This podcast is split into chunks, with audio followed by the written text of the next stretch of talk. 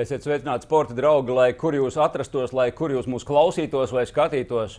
Šoreiz sporta studijas podkāsts aizkulisēs e, spēļu laukumā, kurā valda riepu, kaucoņa, Par to benzīna smārdu es vairs, vēl, vairs nezinu, vai to var teikt, bet droši vien daļā vēl jā. Un gan jau, ka mūsu šī podkāstu varoņi vēl to vēl sapņos vai ikdienā sajūt to, to, to maģiju. Uh, bet ikdienā, tur, kur viņi darbojas, laikam jau vairāk rūtas ģeneratoru un akumulātoru uzlādes sistēmas. Šoreiz sporta studijā par autosportu, par šo spēles laukumu. Un es domāju, ne tikai tiem, kuriem interesē motoru un autosporti, jo šis būs stāsts par to, kā izsisties pasaulē, kurā noteikumi ir rakstīti, bet uh, attīstības stratēģija vai viena formula, kā sasniegt dzīvē to mērķi, par kuru tu sapņo bērnam, esot, nav uzrakstīta. Un, uh, Tā ir liela problēma. Uh, augot panākumiem, tās problēmas kļūst ar vien lielākas un, un dārgākas. Par to mēs runāsim. Es domāju, daudz paralēlus varēsiet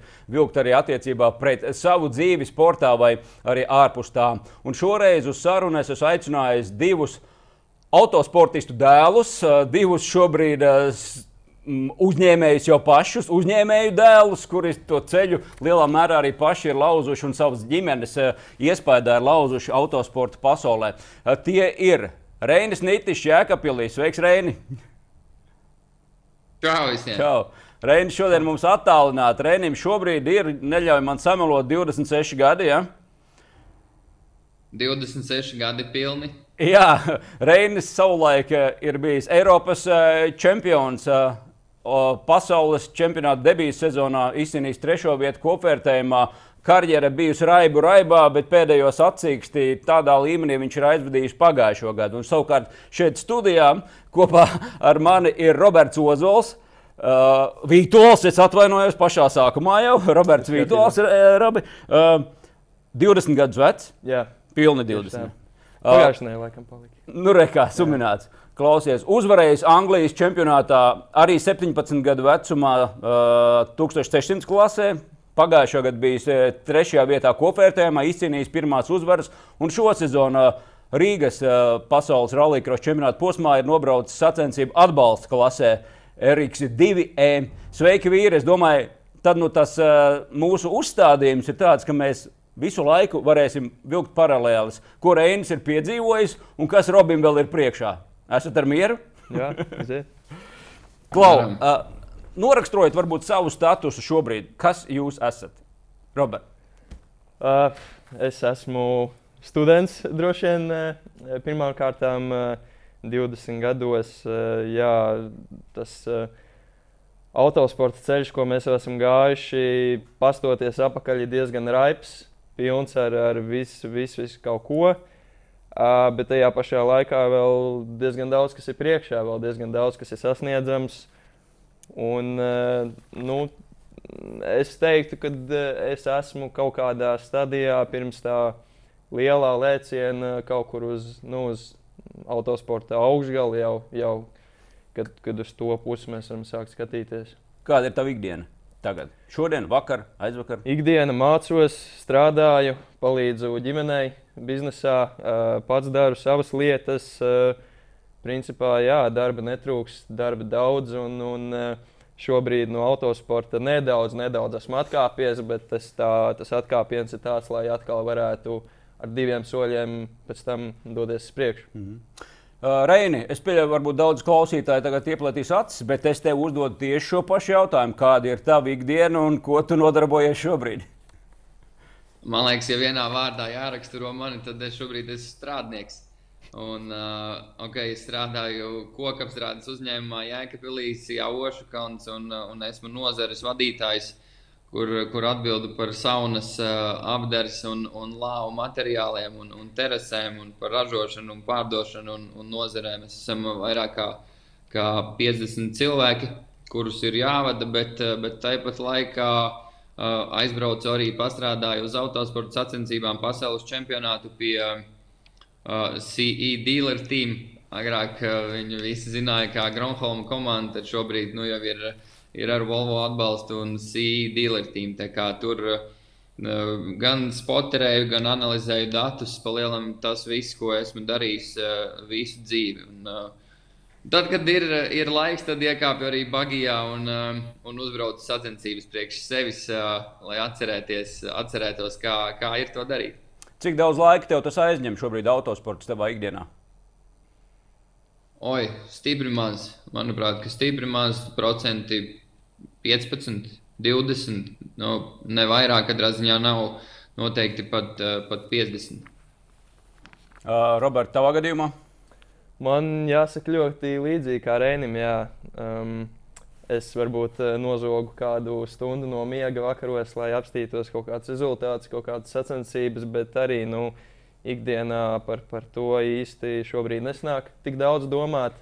Um, nedēļas nogalēs, ja ir, ja ir kāds rallija sacensība, nu tad uh, ar ģimeni kopā mēs piesēžam un apskatāmies vismaz galvenos braucienus, jo tā mums tāda kā tradīcija, nu, ja mēs paši esam braukuši tajā rallija tad, tad nu, vismaz, vismaz apstīties, kas, kas notiek lielajā pasaulē un, un kas notiek varbūt tajā vidē, uz kuru mēs tēmējam, jā, bet uh, līdzīgi kā Reinim.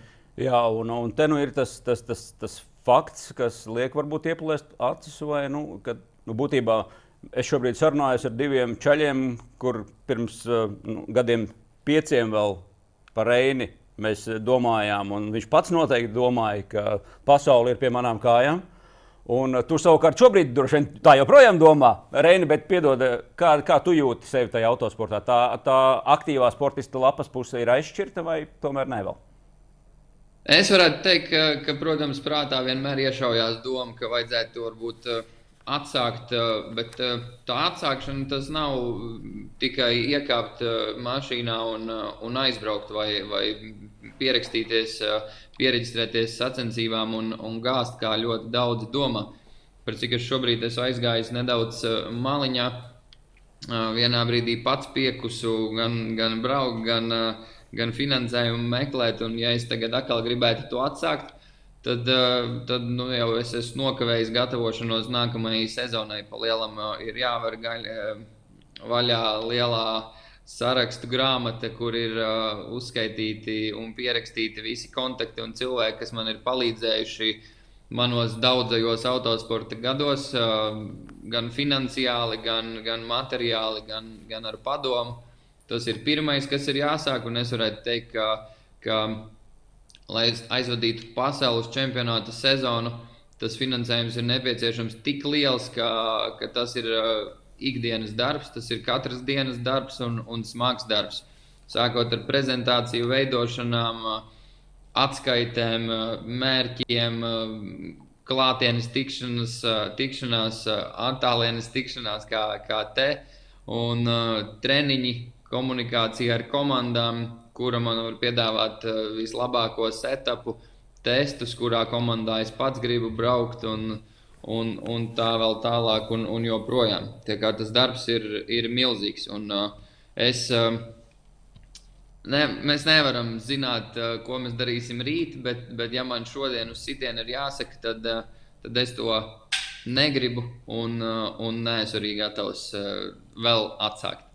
Ok, par šo visu, kāpēc tu esi līdz šim nonācis, es domāju, mēs šīs eh, nu, jau nepilnas stundas laikā arī parunāsim. Robert, tu teici, tu gatavojies nākamajam lēcienam, bet šogad ir apzināti paņemta pauze. Kāpēc? Jā, Reins principā jau ļoti smuki pastāstīja eh, par to autosportu, to veidolu, kāds, kāds viņš ir izveidojies. Kā, eh, kā man pats Dorants um, mācīja, ka autosportā pati braukšana pie stūres ir tikai 20 vai 15% no visa tā lielā kopuma, kas ir, kas ir jādabū kopā, lai nokļūtu uz starta, sākot ar komandu, mašīnu, finansējumu. Ekipējumu, treniņiem, visu to darbu, kas ir aiz tā kadra, ko cilvēki neredz. Pats Dorants ir komandas īpašnieks Anglijā, pats savulaik autosportists, viņa dēls Lajams Dorants brauc pasaulē, varbūt zināmāks šobrīd jaunajai paudzei, bet tad tu esi bijis kādu laiku viņa paspārnē. Anglijā. Jā, jā viņam droši vien par savu naudu, es atvainojos, par jā, ģimenes naudu. Jā, jā viņam arī pieder uh, Lidenhills uh, rallycross trase, un viņš šobrīd ir uh, tieši te, šī te, uh, Lielbritānijas čempionāta uh, nu, rīkotājs, vadītājs. Un, jā, sanāca pēdējos divus, nu, pusotru gadu aktīvos manus gadus būt viņa paspārnē, viņam esot man kā mentoram. Un, un, protams, daudz ko iemācījos gan, gan es teiktu, vairāk ārpus trases, mm -hmm. kā dzīves kaut kādas gudrības, ne tik daudz kā trasē. Un, uh, šobrīd ir autosports tāds, ka, ja basketbolā, futbolā, hokeja, tu zini, ka tu ar apņēmīgiem treniņiem strādājot, ticot sev, tu vari sasniegt. Tu zini, kur aizdīs nākamais solis. jā, tu zini, ka tu arī tur vari tikt ar jebkādiem ierobežojumiem, nu, šķēršļiem. Nu, ja tu esi labs un ja tu trenējies, tad, nu, tad tur nokļūsi autosportā tomēr ir pasaulē, es domāju, ir tik daudz labu braucēju, bet uh, tik ļoti niecīgai daļai izdodas izsisties uh, tajā augšgalā dēļ tā finansējuma, dēļ tā visa, kas ir vajadzīgs aiz muguras. Ka, ka, nu, pareizi Rēns teica, tas tā, tā principā, nu, mēs runājam par budžetu, laikam tā lielākā lieta, kas, kas, kas attur no braukšanas. Tā budžeta vākšana arī nu, viens ir iet prasīt sponsoriem, meklēt, darīties. Uh, Bet, bet uh, arī nu, es nezinu, tas varbūt man ir iedzimts vai no ģimenes, ka nu, man, man uh, nav līdz šim maz bijuši cilvēki apkārt, kas, kas man ir palīdzējuši šajā manā mm, ceļā, šajā autosporta ceļā, izņemot ģimeni. Ģimene ir bijusi tas, tas numur viens palīgs un vislielākais palīgs. Un, un tam man iekšēji arī ir nu, tā, ka, nu, ja man negrib neviens palīdzēt, nu, tad uh, man to palīdzību nevajag. Nu, tad es atradīšu pats veidu, kā es, kā es tikšu uz priekšu. Varbūt tas ceļš kā būs ilgāks. Gatavojies šogad tos, nu, ja tu esi tā paņēmis, tad droši vien tavā prātā ir. Nu, tu jau nevari ņemt pauzes kaut kādu izplūdušu laiku. Droši vien tas izdomājis nu, tagad šogad. Ja? Bet, ko tu plānojies izdarīt? Kā kādus muskuļus uzaudzēt, vai cik naudas nopelnīt gadu laikā, var, lai brauktu nākamgad? Es nezinu, kas ir tas, ko tu gribi paveikt. Vai nostabilizēties dzīvē, mācīties, kas ir tas? Jā, nu, pirmkārt, mācīties jau droši vien jā, tas, ko ģimene arī grib no manis, lai es izmācos. Otrs, eh, nu, jā, nopelnīt naudu, laikam ar to jāsāk. Ir kaut kā pats sevi nostabilizēt dzīvē uz kājām, jo, jo es neesmu no tiem cilvēkiem, kuriem patīk dzīvot uz kāda cita rēķina. Man iekšēji sāp, ka ģimenē jāizliek tik daudz naudas, tik daudz resursu. Reini, tam, Reini, es, Reini vai tu mums dzirdi, ko tu, vai, vai viņam vispār ir izredzes, ja viņš šitā runā, ka, ka es negribu braukt par citu naudu, vai viņam vispār ir šants nopelnīt pašam tik daudz, lai brauktu par savu naudu un sasniegt pēc tam kaut ko rallikrosā? Man liekas, ka tur ir uh, divas, divi, divi tādi dzīves gājumi un, un, un divi salīdzinājumi. Un, uh, un man ir arī bijis vēl viens uh, draugs, uh, vairāk kārtējs pasaules čempions, uh, kurš teica, ja es uh, vinnēju visus, tad, uh, tad sponsoriem ir jānāk pie manis un, un, un jāmet uh, naudu pakaļ. Bet, uh, To es uzreiz varu pateikt. Tā nenotiek ne Latvijā, tā nenotiek uh, ne Igaunijā, ne Vācijā, ne Amerikā. Nu. Un, um, es uh, savus uh, beidzamos gadus augstākajā līmenī, pasaules čempionātā, Eiropas čempionātā, uh, vissmagāk strādāju pie, pie, pie partneru, draugu piesaistes. Un, uh, un, uh, un es varētu teikt, ka startēju pa, pa, pa sponsoru, sponsoru finansējumu. Sākumā daudz centos gadus, protams, ģimene bija aiz muguras, bet gadu no gada Un īpaši beigās pasaules čempionāts, Eiropas čempionāts, kur, kur tas finansējums paliek tik liels, nu tad uh, tev, tev nav citu variantu, kā, kā tikai staigāt apkārt un, uh, un, un pierādīt sākumā ar darbu, uh, smuki sevi kā produktu, iepakot uh, skaistā paciņā, aiznest, nolikt uz galda un pārliecināt. Uh, jebkuru finansējumu devēju, ka, ka rekurtā paciņa ir, ir tā vērta. Jā, un ja var Reinim piebilst, vēl, tad uh, Uh, tas, ka tu man prasīji, nu, kad būs tas tā beiga, tas, nu, tas, tā beig, tās beigas, tai pauzē. Un, un mums vēl pagājušajā nedēļā sanāca ar tēti, tieši man, Uģi, man tēti sanāca um, saruna par to, ka mums bija piedāvājums, nu, vēl joprojām ir piedāvājums braukt šo pēdējo posmu spā, spā trasē, uh, kas ir Eriks 2. E. Mm -hmm. šeit ieskaitēji. Un, un pagājušajā nedēļā es sūtīju īziņu Spāņu komandai, nu, kad uh, Šoreiz mēs izlaidīsim šo iespēju. Tētis ļoti gribēja braukt, bet uh, es viņam paskaidroju tā, ka manās acīs šobrīd, uh, teiksim, rallija-krosā, nu, labi, runāsim par rallija-krosu, ka rallija-krosā šobrīd es neredzu to iespēju pagaidām progresēt. ja mēs ņemam autosportu, kā es teiktu, ka autosports ir loterija, tā kā Rēns teica, nu, tu vari uzvarēt visu. Tev šķiet, ka tev sponsoriem tagad jānāk, naudai jānāk, viss notiksies, bet tik vienkārši nav autosportā. Un, un autosports ir kā loterija. Nu, tev, tev ir jābūt pareizā vietā, pareizā laikā. Tev ir jābūt kaut kādai nu, tai ideālajai vietai, kurā tu vari nonākt. Un, un nu, tad tev viss tas ceļš izdosies. Bet Rallija šobrīd īsti nevar saskatīt to ideālo vietu. Tajā Šobrīd- elektrifikācijas visā procesā ar astoņām mašīnām, elites RX1 kategorijā, ar astoņām mašīnām arī jūsu kategorijā, ja tajā atbalsta Mums, bija, klasē. mums ir parasti desmit. Nu, Jā, šoreiz vienalga, bet nu, tas ir Jā, jā. ļoti maz. Ko, Nu, tomēr, vai un, un, un, un, ja tu aizej uz, uz loteriju un tev ir 50 melnie kauliņi, 50 sarkanie, un tev ir 50, 50 iespēja, ka tu izcelsi beigās to lozi, tad šobrīd savā gadījumā es, es redzu tikai 50 melnos kauliņus, un es neredzu tos sarkanos. Un, un, un tādā ziņā es teicu, nu, manuprāt, nav racionāli tagad ieguldīties, izlikt to naudu. Tajā varbūt, kas šobrīd mums tāpatās neko nemainīs nākotnē. Tad drīzāk mēs, mēs, mēs uzkrājam varbūt kaut ko, sagaidām, ka tās, tas, tās lozes ir mm, labākas priekš mums, un tad mēs atkal ejam, ejam cīņā un ejam daramies. Nu, jā. Jo, jo priekš Bet- bet prieka braukt uh, for fun, vienkārši lai tur būtu, lai tu skaitītos kā braucējs tajās sacensībās. Tas nav mans mērķis. Es nezinu, kā Rēnam droši vien ar tas nav mērķis braukt kaut kur pa vidu vai pa aizmugurēm. Nu, ir, ir mērķis braukt pa priekšu, mērķis ir uzvarēt un, un, un, un, un braukt uh, nu, pilnvērtīgi. Ja tas ir tikai for fun, lai atrādītos vai, vai sev kaut kā iekšēji to um, radīt sajūtu, nu, ka tu esi braucis, mm. tad, tad, manuprāt, ir daudz uh, citas izpratnes, daudz arī pieejamākas, ko var, ko var darīt ikdienā. Un, Ne, Es nezinu, vai jūs pamanījuši? noteikti, es labprāt Jā. brauktu. Es noteikti labprāt brauktu for fun, tikai tad tev ir nepieciešama nenormāli daudz sava nauda, un kur tu No, tērē viņu sacensībām, un, un tā arī tev ir fans. Man liekas, ka tur daži, nu viens vismaz, es neko nezinu par to virtuvi, bet vienu vīru gan es esmu pamanījis, kurš brauc pat tajā RX1 klasē. Kur, man liekas, komandā Reins pat ir startējis. Vai es tagad metu tos nepareizi? Jā, jā, man liekas, kur viņš nekad ne, necīnījās par neko augstu nevienā klasē. Bet tur ir, tur ir divi punkti. Tur ir uh, nenormāli daudz naudas. Uh, tur ir gan fans, bet otrkārt, kad uh, vienkārši cilvēkam vajag pierādīt sev, ka viņš var uzbūvēt, viņš var nostāties uz starta un viņš var finišēt. Kāds rezultāts tas viņu neinteresē, bet viņu interesē tas process līdz brīdim, kamēr viņš nonāk uz starta. Mm. Klau, ju- jums ir viena interesanta paralēla. Es nezinu, vai jūs to esat pamanījuši, ka jūs abi pēdējo sacīksti rallija krosā esat aizvadījuši ar RX2 šo E-klases mašīnu. Reinis pagājušo sezonu izcīnīja otro vietu.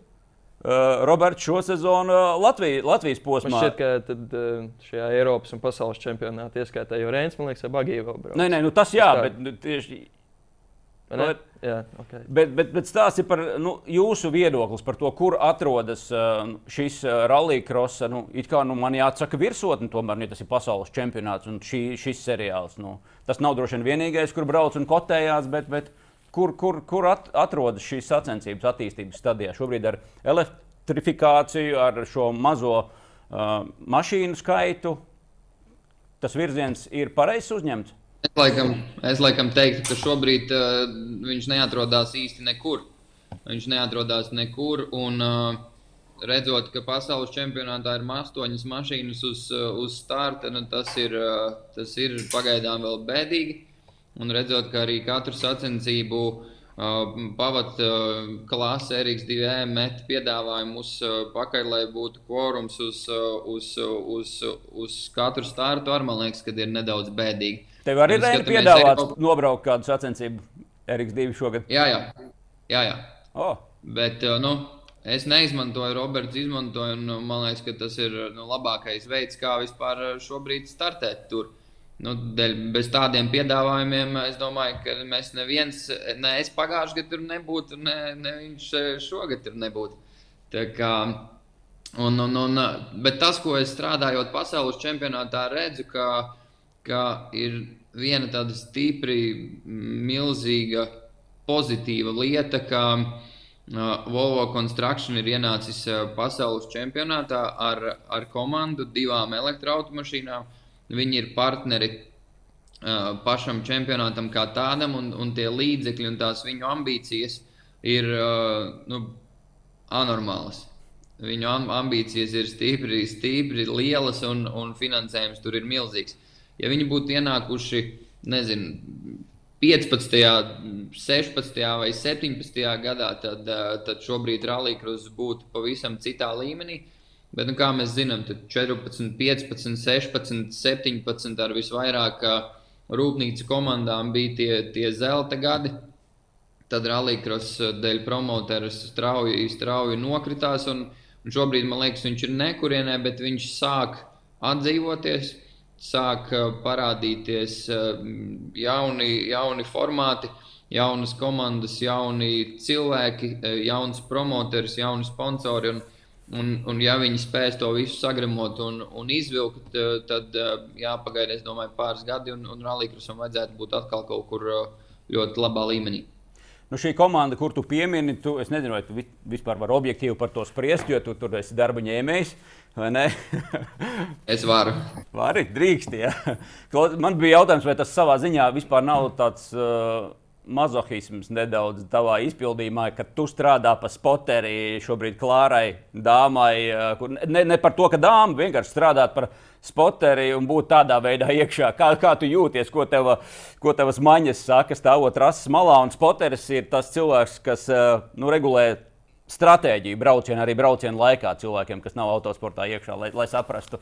Tātad tu esi tas, kas diriģē to, to parādi sacensības laikā.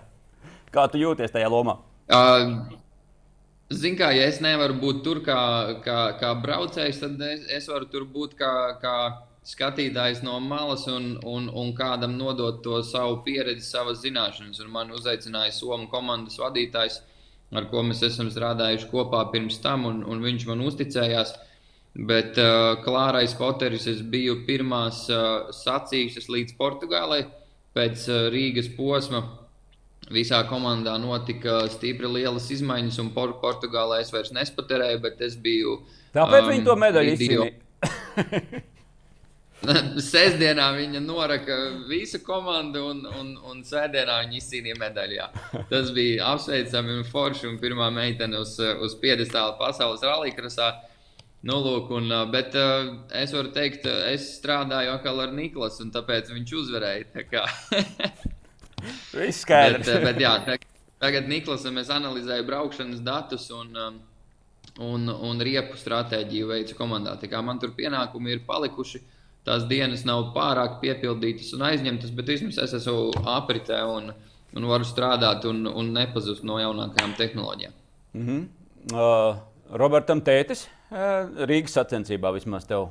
Jā, teica, ko darīt. Jā, tēvs man spoterēja Rīgas sacensībās. Uh, principā visu mūžu man teica, spoterējis. Uh, Spoterējas brauciena laikā vienīgā sezona bija tad, kad uh, es ar superkāru braucu Lielbritānijā. Uh, Tad eh, šajā pat, pata komandā bija, bija savi džeki un bija man uh, um, angļu izcelsmes cilvēks, kas man spoterēja. Un, un, un, un tu vinnēji čempionātu?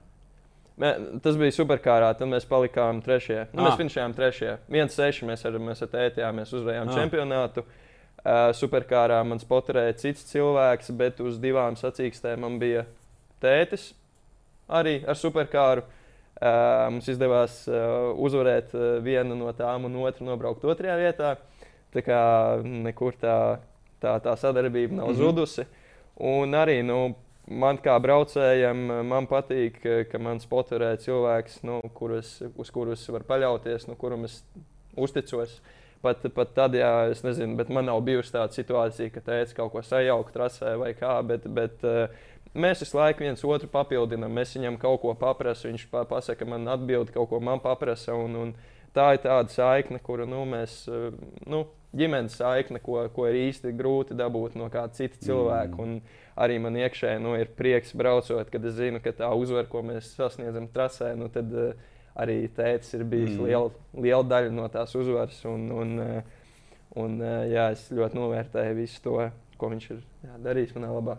Nu, interesanti, man liekas, par tavu tēti. Var, varbūt minēt, nu, droši vien jau Krēnim arī par to, kāds viņš, viņš ir vienā vidē vai ne, un kāds ir atsevišķi vidē. Jo es atceros no 90. gadiem, kad, kad, kad Uģis Vītols bija redzams arī televīzijā kopā liekas, ar Arnu Blodonu šajos autoraidījumos. Likās, ka viņam vienkārši nevar aiztaisīt muti nu, nekādā veidā, ka visu laiku tā, bet, bet kāds viņš kļūst tad, kad dēls brauc un ka viņam ir jādod komandas, varbūt paliek bez valodas, vai es nezinu, kāds, kā mainās. Tas. Nē, ir viss kārtībā. Viss ir ok, ja nervi tur. Jā ikdienā viņš ir, viņš ir nopietnāks, nosvērtāks. Nu, uzņēmējs, nu, viņam ir savi darbi, par mm -hmm. ko mhm. viņš domā, un, un visu laiku viņš par kaut ko domā. Bet, bet uh, sacensībās nu, mēs visi ejam ar vienu mērķu sacīkstēm, lai, lai dabūtu rezultātu. Un, un, uh, mēs visi strādājam kā komanda, un, un katrs atdod uh, visu, nu, cik viņš var atdot. Nu, tas pats, tad, kad mēs braucam no savas komandas, tad, protams, līdzi arī ir māma un māsa. Katram ir savi pienākumi. Atkal komandā mamma ir pavārs, māsa ir atbalstītājs, eh, pienes ziņas no trases, kas ir noticis, vai, vai kaut kādos grafikos un tādas lietas. Tā kā visiem ir sava, sava, sava loma komandā, un, un, un, un mums ir ļoti labi izdevies mm. Nu, laikam jau skaties, kur gribi. Visur tas ģimenes faktors tajā, tajā autosportā ir. Tur, tur tā reti, kad man liekas, tāds eh, viens pats jauns tīradnis un, un aizbrauc visiem pa priekšu. Un arī vēl viss tiešām viņam naudu vēl beigās met pakaļ. Tā laikam nenotiek. Uh, Reini par uh, vispār izmaiņām līdz ar šo elektrifikācijas ienākšanu, visas komandas darbā. Kas ir galvenie, varbūt nu, tādi pārmaiņu elementi? Sagatavojot auto, un tas ikdienas darbs, kā viņš ir mainījies tagad, tu esi turpat klāt visam mehāniķiem, inženieriem. Tas ikdienas darbs uh, ir, uh, ir palicis tas pats. Uh, ir vairāk piesaistīti inženieri un cilvēki, kuri ir bijuši sadarbībā vai darbā ar, ar elektrību, jo vairs nav ātrumkārbu, nav izpūtēji, nav turbīnu, nav iekšzemes dzinēji. Tā kā visi tie, kas mācīja tos saregulēt, varbūt šobrīd ir kaut kur nedaudz maliņā un, un nākuši citi cilvēki, kas māca saregulēt elektrību. Ja tās uh, pasaules mašīnas ir izteiktas ar to, ka priekšs un aizmugures asas savā starpā nav pilnīgi saistītas, tas padara uh, to darbu tiem inženieriem uh, stipri, stipri sarežģītu. Un, un tur jābūt gudrām galvām un, un tā. Bet viss pārējais mehāniķi, kas, kas apskatās visu pārējo šasiju, pieskrūvē riteņus, satīra, salabo visu salauzto riepu marķēšanas, komandas menedžments, visa ceļošana, viss tas ir viens pret vienu. Manā atmiņā palicis tepat biķerniekos. Es jūs abus noķēru, Reini, vispār tādu skrejošanu. Prasīju, nu kā ir ar to elektroautorātu braukt. Un Reini saka, viss tur ir tāpat kā tas. Un tad es Robertam prasu, Roberts saka, tur ir viss pilnīgi savādāk. Klausieties, šeit, davai tagad, tagad nonākam pie kopsaucēja, kā, kā tur ir īstenībā salīdzinājumā ar iekšdeģis autoru. Es domāju, ka divas lietas ir. Viena ir tā, tā tehniskā puse, kas notiek komandā ārpus braukšanas, un otra ir, kas jādara braucējiem. Jo tajā RX2 klasē um, tur tev ir trīs, trīs slēdži, ko tu vari grozīt.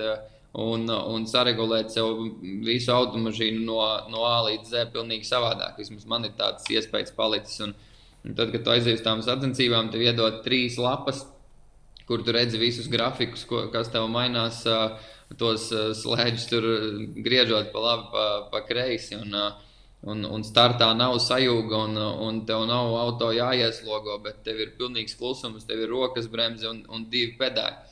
Bet man liekas, ka tā, tas viss no braucēja viedokļa līdz zaļā gaisma iedegās ir, ir pilnīgi savādāks. Bet tik līdz zaļā gaisma iedegās, man liekas, ir tas pats, ir citi pie sāniem ir stūra, ir pedāļi, ok, nav, nav skaņas, un tu fokusējies savam braucienam. Robert? Es nezinu, nu, man, man laikam ir bijis savādāk. Saka, ir. Jā, nē, nu, man kaut kā ir tāda lieta, ka man patīk, eh, nevis patīk, bet nu, man visu laiku es analizēju notikumus, kas notiek trasē, braucot. Principā tas pat ir To ir grūti izstāstīt, bet tu brauc trasē un liekas, ka viss notiek šausmīgi daudz, daudz lēnāk. Un tajā desmitdaļā tu spēj iznaudzēt tik daudz lietas, kas notiek ar trasi mašīnu, ka, ka to pat īsti nevar izstāstīt. Un, un principā braucot ar, ar šo elektrisko mašīnu, viens no lielākajām izmaiņām, ko Reins jau teica par, te, par šīm divām asīm, ka nav kardāns šīs divas asis nav savienotas kardānu, un līdz ar to arī vismaz priekš manis nu, izmainās diezgan, diezgan krasi tā braukšana tieši pašā līkumā, līkuma, pirms līkuma, līkuma ieejā, līkuma vidū, līkuma izējā, kā mašīna kurā brīdī reaģē.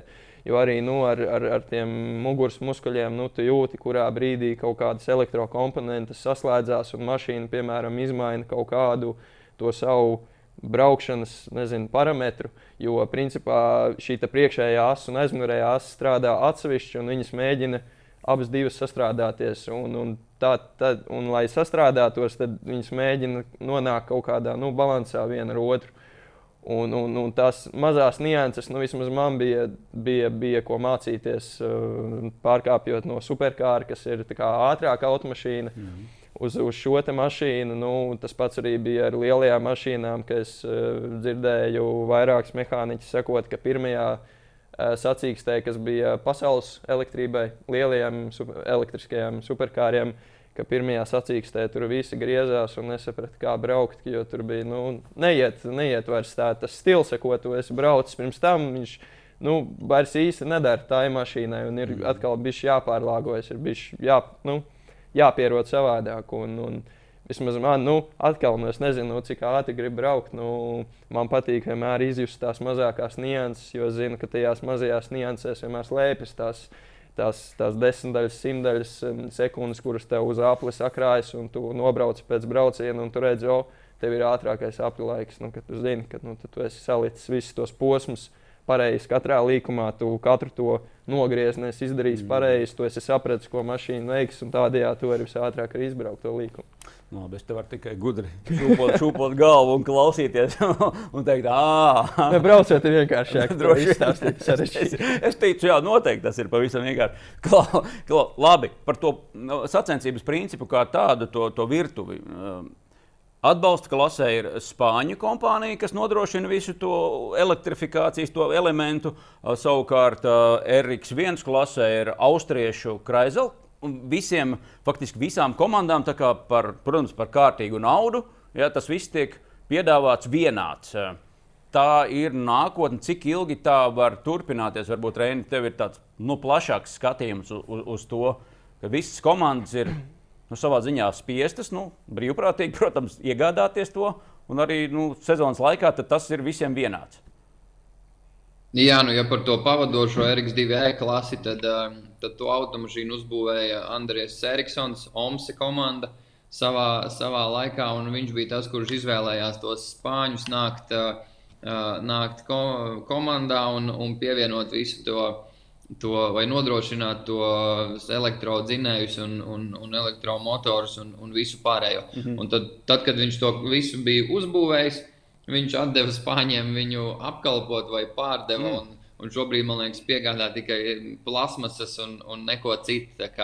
Viņš nav, viņš nav uh, okay, viņš ir ļoti gudrs.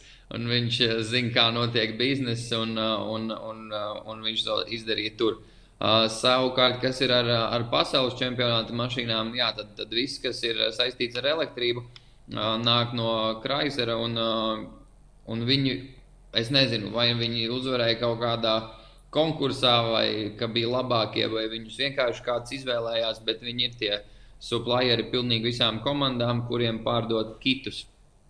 Un jebkurš no komandas var izvēlēties, to kitu gribi ielikt Seatā, Audi, Peugeot, Hyundai vai Čičerits. Mēs zinām, ka, ka ieliks viņu Lančijā.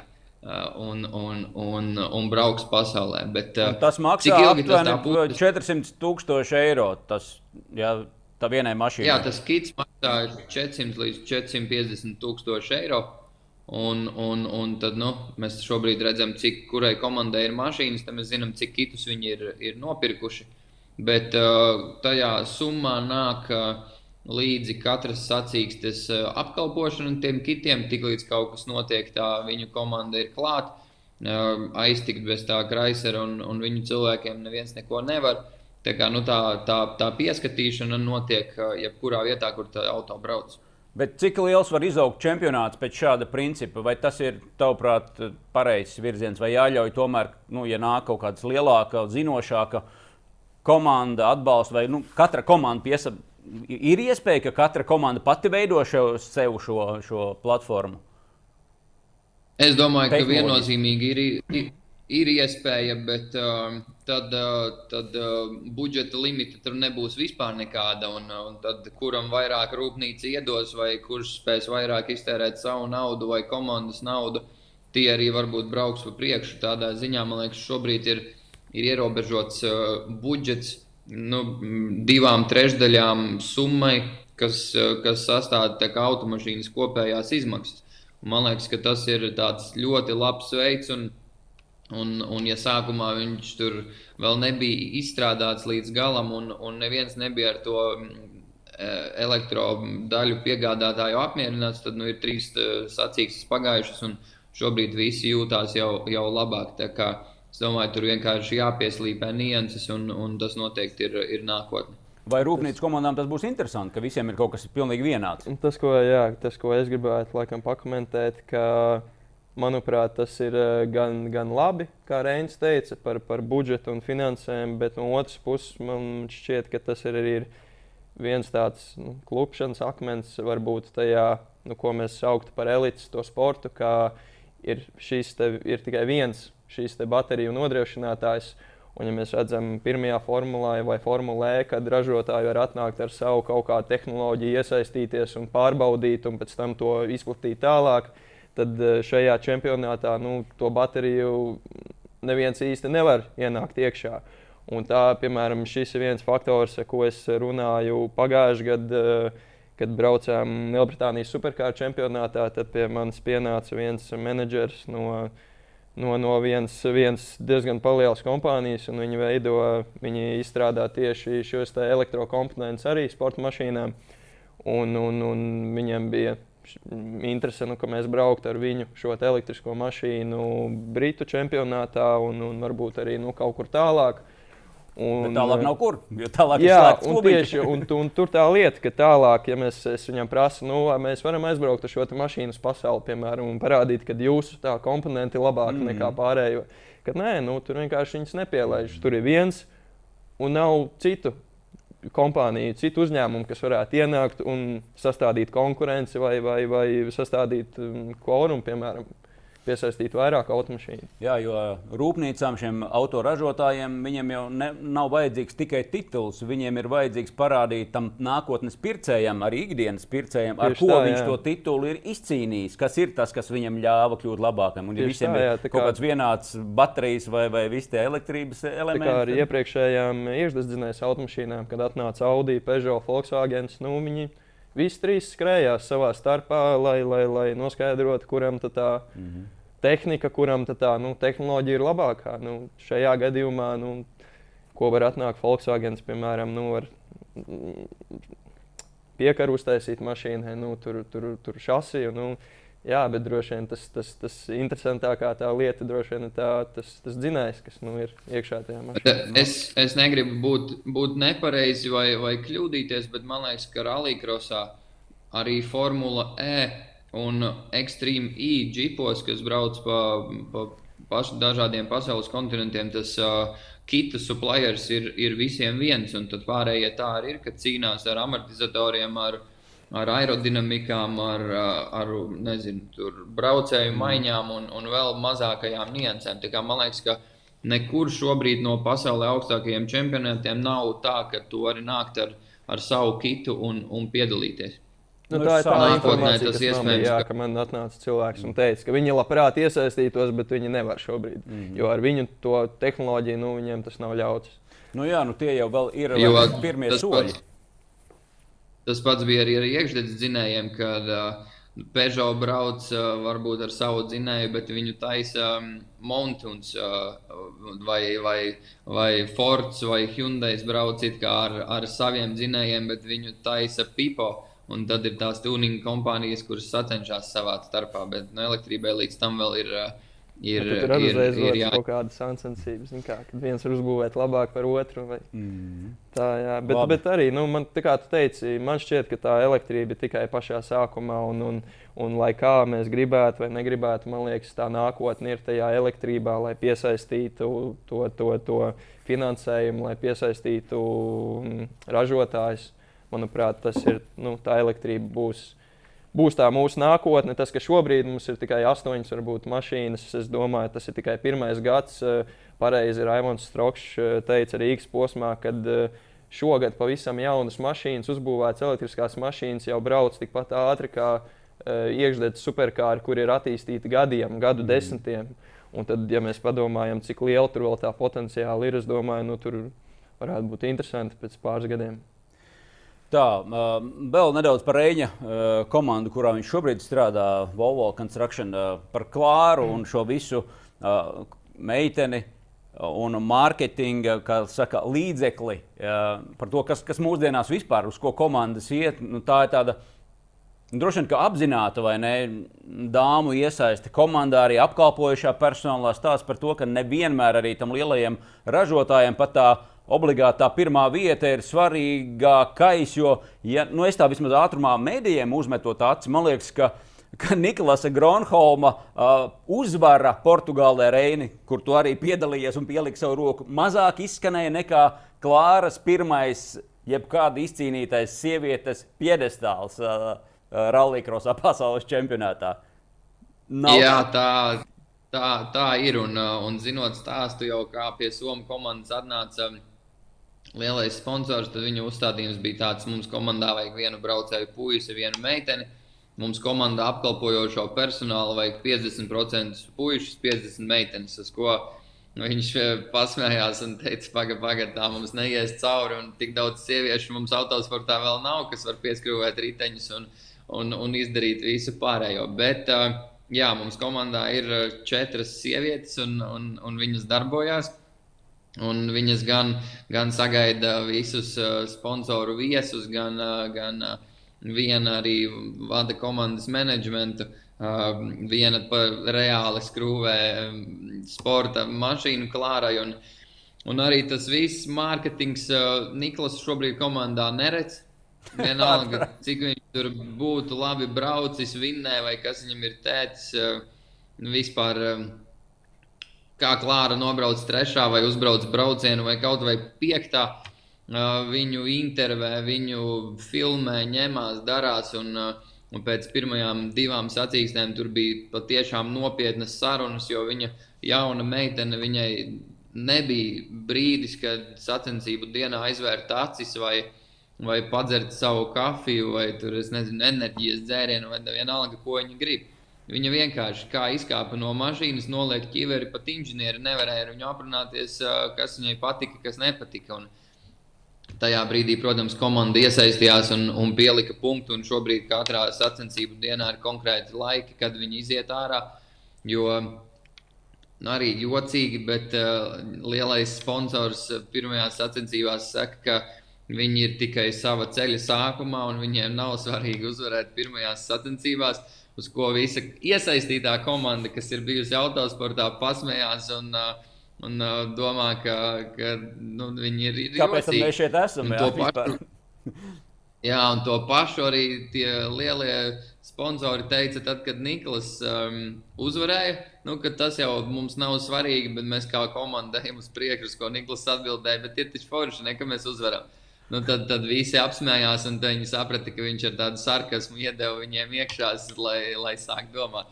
Bet, nu, tās tādas komandas uh, iekšienes, un, un jā, tā, tā sievietes uh, būšana viņai klārai šobrīd uh, ir stipri liels sloks, bet tāpat laikā man liekas, ka arī spilgta nākotne.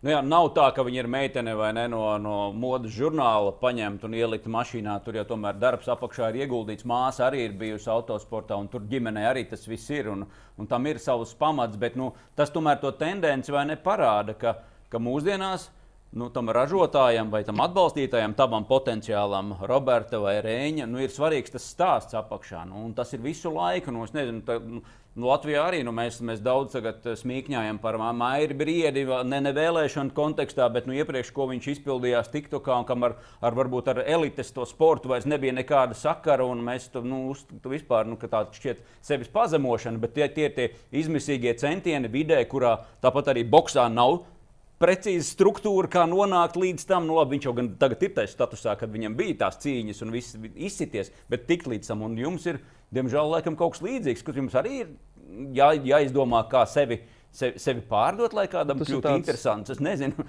Tas ir tāds jaunais laikmets. Klimata pārmaiņām jāiet jā, kā nu, vadošajam zaļo enerģiju. Roberts Vītols iestājas par to. Katrā laikā, jā, katrā laikā droši vien ir savu kaut kādu izaicinājumu. Un, un, nu, tā, tāda ir tā, kā tu saki, nu, tā spēle, kas šobrīd ir jāspēlē. Nu, katrs cīnās eh, kā, kā mākslinieks katrs mēģina izsties kā māk.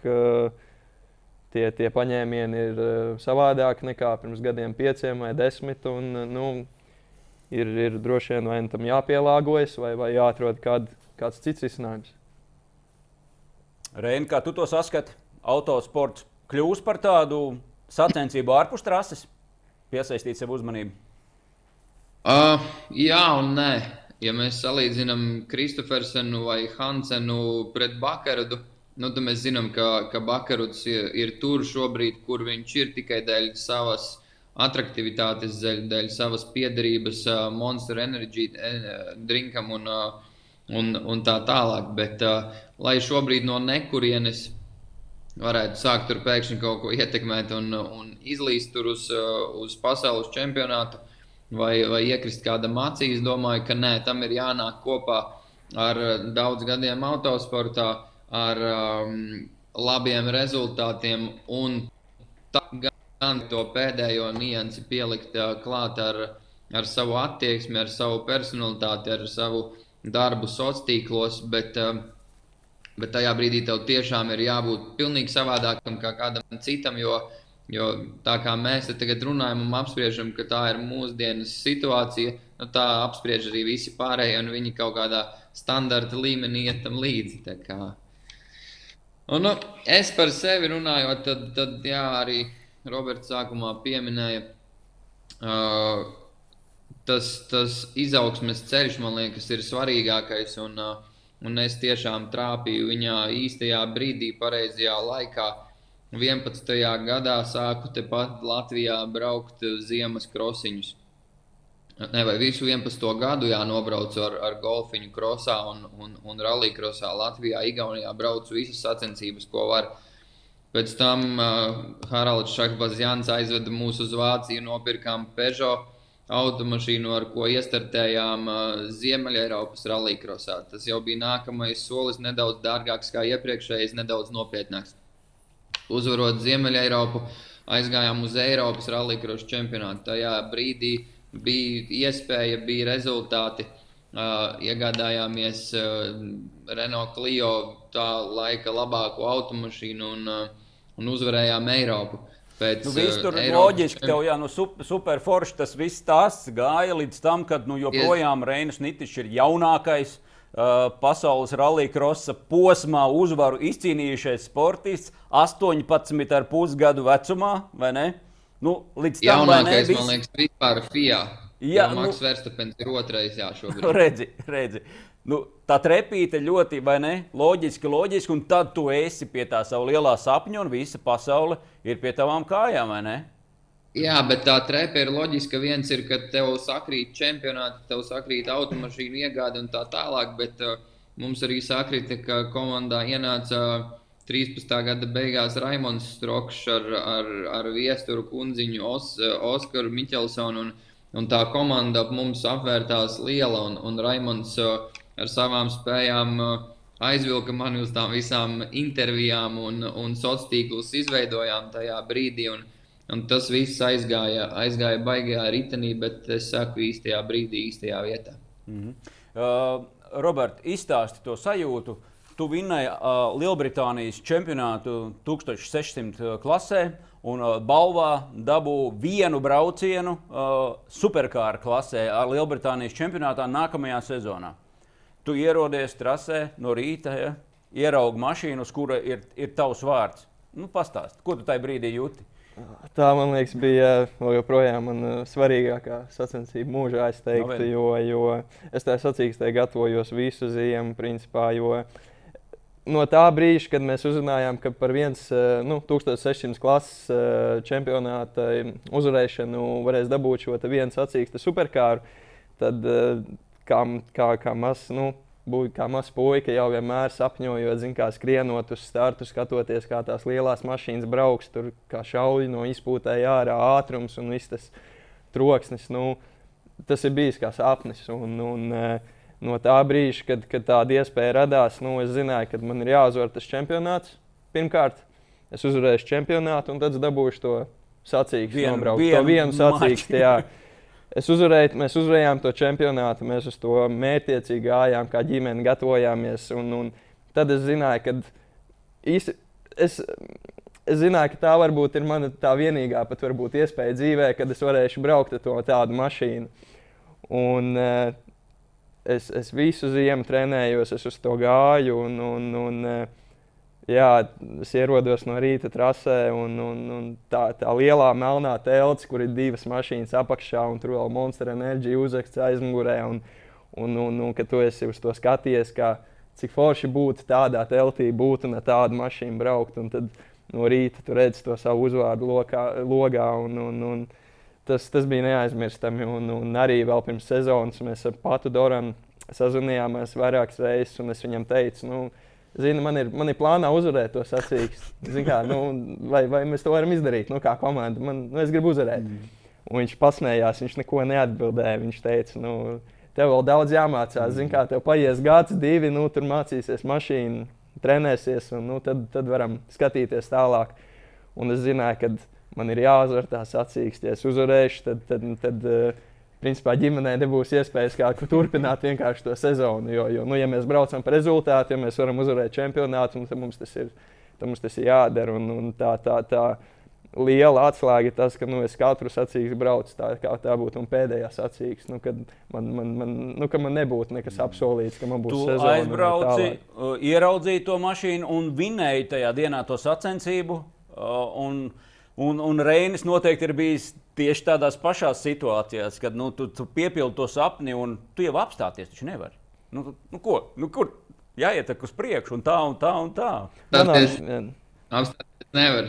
Tīpaši, ja, ja 14. gadā, pirmajā pasaules uh, rallija kruša čempionāta gadā, pēc pussezonas tas līderis priekšā Petram Solbergam un, un visiem pārējiem, tad uh, kā 13. gada beigās, kad mēs atlidojām pēc uzvaras Eiropas čempionātā, tad uh, man tētis Aigars um, intervijā ar asarām teica, mēs uh, nezinām kā, bet mēs izdarīsim visu, lai nostātos 14. gadā uz starta blakus Solbergam. Uh, Heikinenam, Bakarudam un, un visi, kas tajā brīdī bija lielākās zvaigznes, un to mēs arī izdarījām. Jā. Cik tālu vienkārši tas ceļš, nu, Bet tā, tā, tā summa, saprot, tā summa aug. Šitā, tā, tā droši vien tā progresija ir, ir abnormāla. Nu jā, tad, kad, tad, kad Reins vēl brauca tajā laikā, tad, tad, tad man liekas, tie bija Rallija nu, viena no ziedu laikiem, nu, kad, kad, kad bija, bija milzīgs čempionāts. Un, un, eh, nu, tas, ko es teicu iepriekš, iepriekš kad es šorīt, šobrīd uh, neredzu to, to, to nu, priekš sevis pagaidām to savu attīstības ceļu. Uh, sportā, kādas viņi gribētu, nu, ar to, lai sasniegtu to savu to beigu mērķi, kas man ir autosportā, un, un nu, lai es varētu sev teikt, ka es to esmu izdarījis. Šobrīd es tādu sev to, to, to, to ceļu pagaidām vēl neredzu. Tāpēc, nu, tā kā es teicu, es nebraucu priekš prieka, es braucu, lai, lai, lai man prieku braukt sagādā tas, kad es braucu uz rezultātu. Man nesagādā prieku braukt tāpatās bez, bez jēgas, tikai tāpēc, nu, lai tu būtu pabraucies. Nu, tad, tad es eju daru citas lietas. Bet, bet, Jūs abi, ko es jau vairāk kārt atkārtoju, esat rekordu anālēs. Eh, tu Lielbritānijā, Reinis vispār pasaulē ar to, ka agrā jaunībā esat sasnieguši un pārsteiguši pasauli. Par tevi arī komentētājs arī teica tajās Anglijas sacensībās, ka tādu talantu es neesmu redzējis kopš Kristofersona, kurš ir nezinu, četrkārtais ja, rallycross pasaules čempions. Reini, ko darīt šim jaunajam cilvēkam? Viņam ir 20 gadi. Es kaut kad jau, man liekas, arī tev biķerniekos teicu, ka, ka tā trepa šobrīd uh, nav. Viņa nav skaidri redzama. Un, zin, kā arī tu minēji par finansējumu, paliek ar vien lielāks, lielāks un lielāks, ejot katrā nākamajā solī. Kamēr tu redzi tos soļus, un tu pa viņiem ej, un tu vari uzvarēt un kāpt uz nākamo, tad arī tu dari vēl vairāk darba, lai, lai to finansējumu piesaistītu. Un, un ikdienā tu jau to pieņem pa, pa normu. Uh, Bet uh, šobrīd reāli es domāju, ka tas uh, RX2E ir, uh, ir, ir vienīgais tāds variants, kur startēt tikai tad, ja tur ir, ir dalībnieki. Nu, droši vien, ka Super 1600 klase Eiropas čempionātā vairs nebūs piesaistoši Robertam. Viņš ir Anglijā, viņu vinnējis un, un braucis jau superkārā.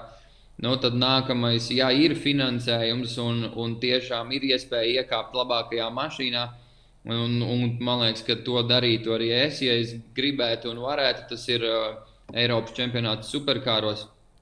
Tur vēl joprojām konkurence ir. Tur šogad bija Mārklunds, uh, Baumanis, Ide, uh, kaut kādās sacīkstēs uh, Bakeruts un, uh, un Freizers Makonels. Un, un, un tur tiešām nu, tā, tā cīņa ir un, un viņš ir skatāms.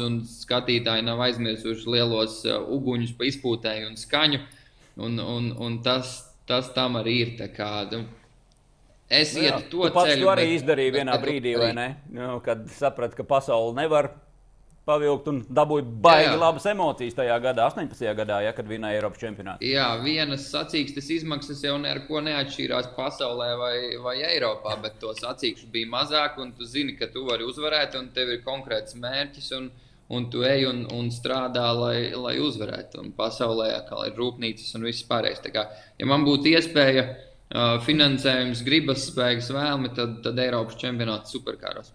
Mm -hmm. Nu, man liekas, ka, ja runājam par plānu B vai rezerves plānu, tad autosports nu, ir tā vieta, kur tās ģimenes jau ļoti ātri saprot, ka ir jābūt tam B plānam, rezerves plānam, ir jāmācās jāstudē, un, un, un kad, kad var viss nesaiet. Jo, jo jau no pirmajām dienām vecāki saprot, ka no, no pirmā kārtīga vai no pirmā minibagija.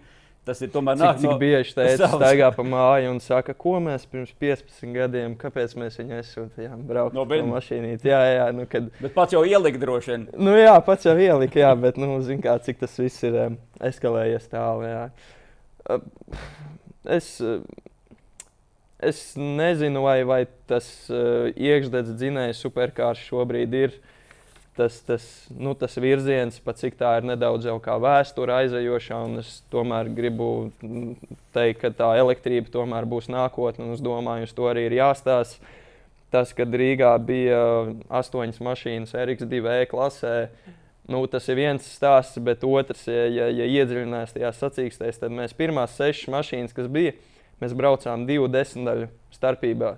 Un, principā, jebkura no tām pirmajām sešām mašīnām tajā dienā varēja uzvarēt sacensību.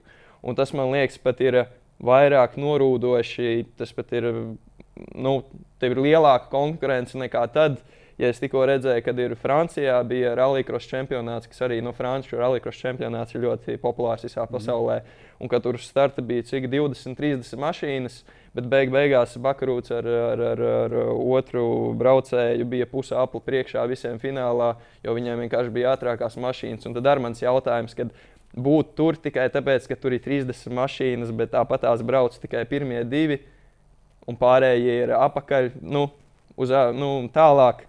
Vai, vai, vai, piemēram, ja tev ir astoņas mašīnas kopā, bet nu, tu zini, ka par to vietu pusfinālā un finālā tev būs reāli jācīnās, lai būtu viens no diviem, kas tiek uz fināla nu, tad, tad, tad, tad, tad um, nezinu. Nu. Mm. Nu, labi, tas ir jā, par tavu personisko attīstības ceļu. Jā, un, un droši vien jau ir forši būt tomēr tūmā tai, tai klasē, kas attīstās. Tieši tā, ielikt, Tieši un, ja, tā. Un, ja, ja pasaule tā... ir elektrība, tad nu, mm. nu, tagad braukt elektrībā, kas ir nu, klase pirms pasaules, nu, tad, tad, tad tas, labi, man liekas, tas ir labi. Mm. Un, un arī pēc aplaikiem. Budžets, budžets ir kāds četras reizes mazāks vajadzīgs, lai vienā sacīksē piebrauktu salīdzinājumā ar Eriks 1. 25,000 izskanēja kaut kur tā summa, vai tā ir taisnība? Nu, jā, principā tā ir viena posma, Mhm. jā, tā ir taisnība. Um, nu, jā, nu, tas ir kaut kur. Reņģis droši vien labāk mācīs teikt par cenām, bet nu, tas ir kāds trīs reizes mazāk nekā braukt ar, ar mašīnu Eiropas uh, superkāriem mm. ar iekšzemes dzinēju, lai tu varētu uzvarēt sacīksti. Nu, Labi, mums laiks tikpat kā ir beidzies. Tas par to B plānu, ko es iesāku, es varu tikai pabeigt to, ka man ir liels prieks, ka Reinis ir pabeidzis augstāko izglītību, ne? Un tagad uh, tēva vadītajā kon koncernā, daudz nozaru uzņēmumā var, var strādāt, uh, pamatot ne tikai tāpēc, ka ir tē- tēta dēls, vai ne? Un, Jā, nu, jau no pašiem pirmsākumiem uh, ir bijis, uh, nebūs skola, nebūs autosporta. Un mm. to es, man liekas, esmu pieminējis Jā, katrā otrajā intervijā. Un, un es esmu arī uz pāris sacīkstēm neaizbraucis, tāpēc, ka skolā nav atzīmes, vai, vai piezīmes, vai attieksme, vai kaut kādas sūdzes savārīs. Skolai jābūt, un, un vēl arī jo šobrīd uh, plānoju iet, uh, paturpināt, uh, izglītoties un, un pamācīties. Jo tā, tā nākotne, cerams, ir, ir gara un, uh, un krāsaina. Nevar paļauties uz vienu sportu. nu jā, un šo pašu līdzīgu ceļu es zinu, kā arī Roberts iet izglītību, vajadzīga biznesa vadība un arī kopā ar tēti. Ja? jā, Strādā. ģimene, un tad jau mm. jāstāsta varbūt kaut Ja, kas ja jūs varat, mums ir laiks ir beidzies, vienā Jā. Vārdā pateikt, vai ir autosporta disciplīna, kurā jūs ieteiktu tam tēvam, kas liek savu mazo kartingā, pa kuru ceļu iet, kur taciņa ir vissaprotamākā. Es nesaku viegla vai lēta, nē, saprotamākā taciņa uz virsotni. Ir kāda, jūsuprāt, viena disciplīna? Viennozīmīgi kartings. Es būtu teicis to pašu. Mm. -hmm. Kartings. Labi, sākumā un tad jau. Jā, man, man liekas, ja ar kartingu izēja kaut kādas to, to, to pamatu, ja tu iemācies braukt, un ja tu esi labs kartingā, tad pēc tam tu vari aiziet jebkur, kur tu Bet- vēlies, uz jebkuru Nu, disciplīnu. labi, bet tā disciplīna pēc kārtinga, kura būtu kur vissaprotamākā tā piramīda? Boh. Nav, jā. Slēdzam. Kas kuram pašam patīk? Jā. Viens turpina kartingā, iet uz autošosei, viens uz rallija cits um, nezinu, kur. Es domāju, tur, kur ir tā mīlestība pret to novirzienu, tad tur arī atradīsies veidi, kā tur startēt, un, un kaut kas arī varbūt sanāks. Cerams. Paldies par šo foršo sarunu, vīri. Bija prieks būt ar jums kopā. Reinis Nitišs, Jēkabpilī, sveiks, un Roberts Vītols tepat Latvijā. Tiekamies autotrasēs, kur rūcis vai džings, es nezinu, bet adrenalīns ir klātesošs joprojām. Atā. Paldies! Tā. Tā.